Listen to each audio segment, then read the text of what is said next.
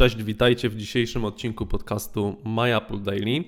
E, I dzisiaj powiem kilka słów o nowej siedzibie Apple. Pierwsze informacje na temat e, tego kompleksu budynków, tak naprawdę, e, przedstawiliśmy Wam już no, gdzieś dwa lata temu, kiedy rozpoczęły się prace budowlane na, na tym terenie w Cupertino.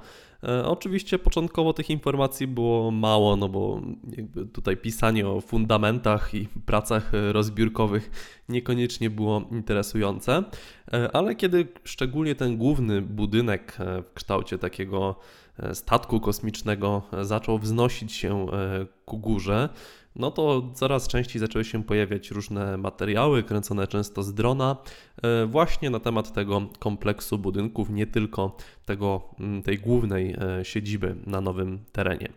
E, prace nad Campus 2, jak to roboczo było określane, zbliżają się już do końca i Apple poinformowało dzisiaj o nazewnictwie związanym z, tymi, z tym kompleksem budynków.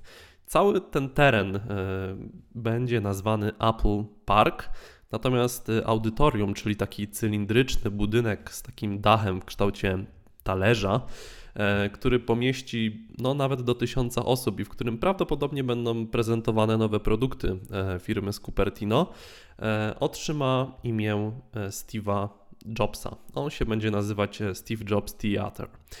E, w każdym razie dzisiaj Apple właśnie podało ten, ten komunikat e, prasowy i ujawniło kilka mm, dodatkowych informacji na temat całego kompleksu, całej nowej e, siedziby. Zgodnie z wcześniejszymi przewidywaniami, pierwsi pracownicy rozpoczną pracę w nowej siedzibie już w kwietniu.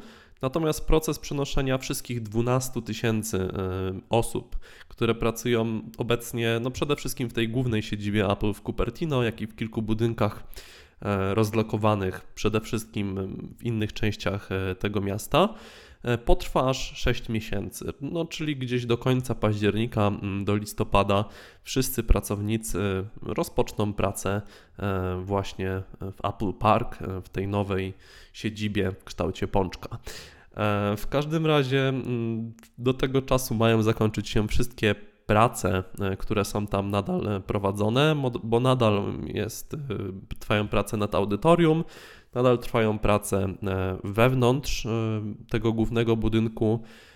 Jeszcze centrum fitnessowe mm, jest budowane i ten budynek, gdzie będzie Research and Development pracował. E, więc to ma się zakończyć dopiero w lecie. Zresztą w czerwcu jest konferencja mm, WWDC i tak ja szczerze powiedziawszy po cichu liczyłem, że mm, no Apple właśnie zorganizuje ją już na terenie swojej nowej siedziby, ale jak wiemy WWDC w tym roku e, powróci do e, San Jose. Chyba o ile nie przekręciłem czegoś. W każdym razie nie będzie e, w Cupertino e, organizowana ta konferencja, prawdopodobnie e, dopiero w przyszłym roku, ale być może już prezentacja iPhone'ów wrześniowa odbędzie się właśnie na terenie Apple Park. W piątek, czyli pojutrze, przypadają 60, przypadałyby 62 urodziny Steve'a Jobsa. E, no i Apple poinformowało, że ten budynek audytorium, czyli właśnie stworzony e, myślą o konferencjach, jego taką wizualizację e, możecie zobaczyć w artykule. Link znajdziecie w opisie tego odcinka.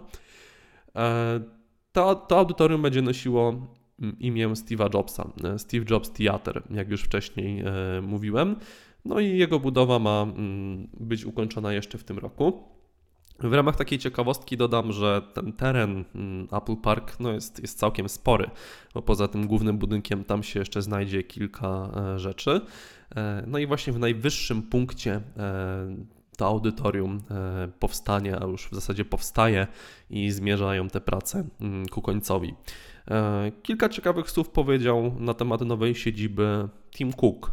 Ja by tu nawet nie parafrazować, bo, bo cytat jest krótki, jego przytoczę w całości. Wizja Steve'a rozciągała się daleko poza czas, jaki spędził on z nami. Jego zamiarem było, aby Apple Park był domem innowacji dla przyszłych pokoleń. Przestrzeń przygotowana z myślą o pracy, a także tereny zielone zostały stworzone w taki sposób, aby inspirować naszych pracowników, ale też przynieść korzyści dla środowiska.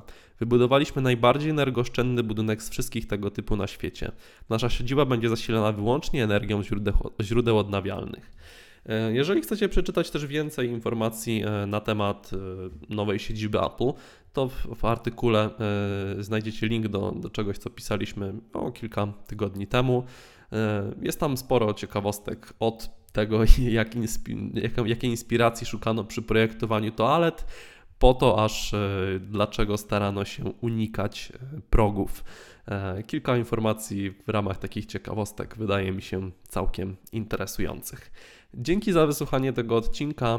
E, słyszymy się już jutro. Tymczasem na razie życzę Wam miłego popołudnia i wieczoru. Cześć.